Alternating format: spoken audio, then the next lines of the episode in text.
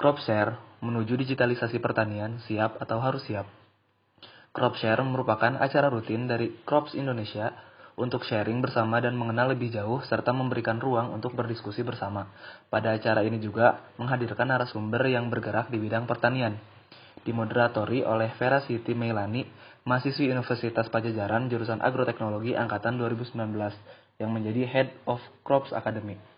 Narasumber pada acara ini juga ada Kang Wahyu Ridwan Fadilah, mahasiswa Unpad angkatan 2019 yang menjadi CEO dari Tani Bersubang, garden keeper di Biometo Green Rumah Edukasi, dan staf RND PT Bio. Taniber berawal dari Taniber ID yang memang pad pada asalnya berada di Jatinangor yang tercipta karena adanya keprihatinan terhadap penjualan para petani di Ciparanje karena belum mempunyai pasar yang tetap. Maka di sana Taniber menginisiasi bagaimana produk yang dihasilkan oleh petani ini ditarik lalu dijual, dihususkan untuk penjualan kepada para dosen-dosen yang ada di Unpad. Tetapi setelah lama bergerak, banyaknya juga masyarakat luas yang meminta untuk pemasokan kepada rumah-rumah. Pada awal pandemi, para mahasiswa kan pulang ke rumah masing-masing nih. Di sana juga Kang Wahyu mengembangkan Taniber di daerah Subang yang awal pergerakannya yaitu menyebarkan brosur-brosur secara door to door dan mendapatkan omset awal sebesar 700 ribu. Dan beberapa minggu kemudian banyak kemajuan sampai digunakannya aplikasi WhatsApp karena efisien untuk penggunaannya di masyarakat dan memudahkan untuk pemesanan. Untuk saat ini, Taniber mempunyai dua cabang yaitu di Jatinangor, Tanjung Sari, dan Cilenyi. Untuk sayurannya diambil dari kebun di Ciparanje. Lalu cabang satunya lagi ada di Subang. Ketika awal-awal masa pandemi ini ada permintaan dari Unpad untuk memasok buah-buahan segar ke Unpad. Hal ini sudah dua kali, sekitar satu ton buah dan sayur dipasok. Untuk pemasokannya ini ke mahasiswa yang isolasi di asrama Unpad. Kesulitan Tani bersendiri adalah Kang Wahyu, Kang Wahyu sekarang tidak berada di Subang diakibatkan sedang ada kerjaan dan dan masalah akademik. Jadi tidak bisa membantu langsung untuk di Subang. Uh, untuk sekarang Tani Ber di Subang sendiri diurus oleh anak-anak Karang Taruna. Nah, dalam pembuatan Tani Ber itu memang pure tidak menggunakan proposal pendanaan lain, tetapi murni dari uang kas para anggotanya. Barulah beberapa bulan Tani Ber Aidin itu menjuarai lomba yang diadakan sama BEM Kema walaupun hadiahnya tuh berupa partner bisnis. Nah, Adapun rencana dari Tani Beraidin itu ialah untuk membuka cabang di kota-kota lain. Alasannya ialah karena banyaknya permintaan dari masyarakat. Nah, rencananya juga adanya food truck ID nih untuk mempermudah konsumen mendapatkan produk dari Tani Ber-ID. Untuk promosi awal dari Tani Beraidin itu memang dimulai dari media sosial. Mereka menggunakan aplikasi WhatsApp sebagai media penjualannya yang dimulai dengan penjualan kepada kerabat-kerabatnya.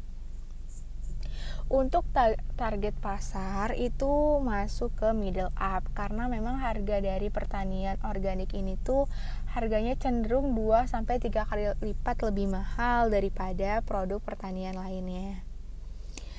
Alasan dari Kang Wahyu ini memilih menjadi CEO dari bisnis pertanian yang pertama ialah karena bisnis pertanian itu sangat menjanjikan.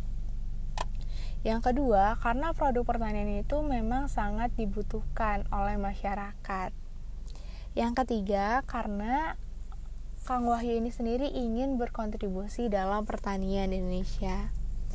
Nah, sekarang kembali lagi ke masalah digitalisasi pertanian.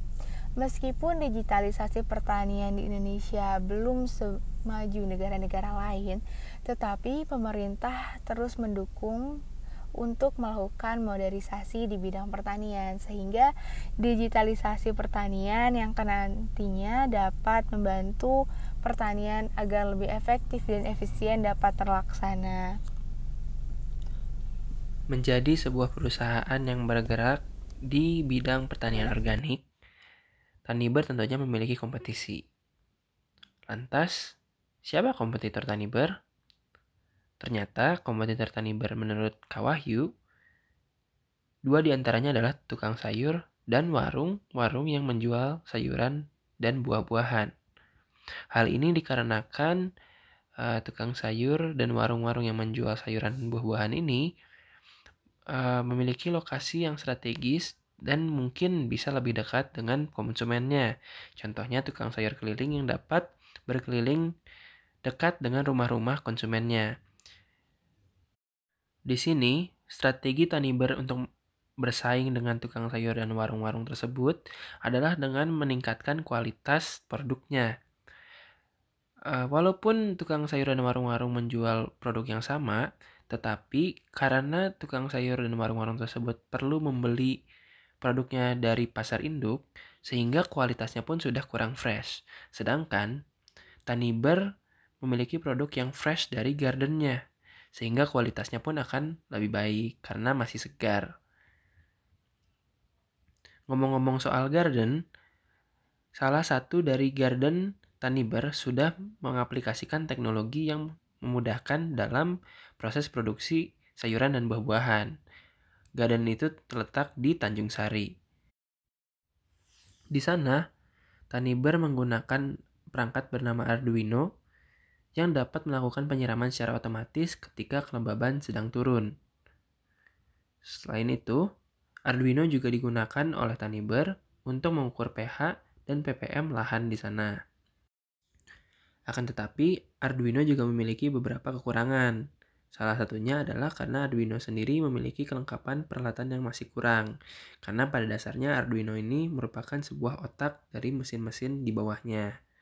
Hal ini kemudian diakali oleh Taniber dengan melakukan coding, kemudian melakukan penambahan perangkat-perangkatnya sendiri, contohnya seperti sensor, pH, sensor kelembaban, dan lain-lain sebagainya. Untuk produksi pertama Taniber, tanaman yang digunakan hanyalah jenis sayuran daun seperti bayam dan kangkung, dan kuantitasnya satu hari sekitar 10, uh, eh, sekitar 50 ikat. Uh, untuk sementara ini, Taniber belum bisa melayani delivery via GoFood, tapi mereka punya kurir sendiri. Selain itu, Taniber berencana untuk mengembangkan sayapnya di daerah selain Jatinangor. Taniber berencana untuk Taniber saat ini sedang membidik pasar di daerah Jakarta. Uh, selanjutnya, sayur uh, perbandingan antara sayuran organik dan microgreen, mana yang lebih bergizi dan bernutrisi. Microgreen adalah tanaman yang termasuk organik, akan tapi tidak menambahkan pupuk di dalamnya. Kadar gizi pada microgreen, microgreen lebih tinggi karena microgreen lebih fresh dibandingkan dengan sayuran organik. Untuk meyakinkan petani memakai teknologi yang mahal, kita sebenarnya harus tahu teknologi tidak mahal bila kita tahu seperti cara kerja dan komponen-komponen dalamnya. Dengan modifikasi, kita bisa membuat teknologi yang murah dengan menduplikat teknologi yang ada sebelumnya. Oke, meskipun teknologi-teknologi yang sudah dipaparkan sebelumnya itu cenderung mahal, akan tetapi hal ini akan sebanding dengan hasil yang diperoleh semisal kualitas yang lebih baik serta kuantitas yang lebih besar. Jadi, digitalisasi pertanian ini bukan hal yang mustahil untuk diterapkan di Indonesia, asalkan kita ada kemauan dan usaha untuk mengajak para petani konvensional berubah. Hal ini uh, sesuai dengan peran kita sebagai agen of change. Dengan digitalisasi pertanian ini diharapkan pertanian Indonesia bisa lebih maju, modern, serta dapat memiliki kualitas dan kuantitas yang lebih baik. Peran mahasiswa uh, terhadap pertanian atau digitalisasi pertanian bukan hanya sebagai agen of change, tetapi juga sebagai seseorang yang uh, mau untuk terus belajar. Kita diharapkan uh, mau untuk belajar mengenai apa itu digitalisasi, apa itu konsep digitalisasi, alat-alat yang digunakan serta bagaimana cara pengaplikasiannya. Untuk saat ini sudah banyak eh, program-program uh, yang tersedia sebagai media kita untuk berkembang, seperti PKM, KBMI, dan PHP 2D. Pemerintah melalui uh, Kemendikbud juga selalu memberikan peluang kepada mahasiswa yang berminat uh, dalam hal ini untuk mengembangkan ide-idenya. Dan juga uh, para mahasiswa ini diharapkan untuk apa? Terjun langsung memberi pendampingan kepada para petani konvensional.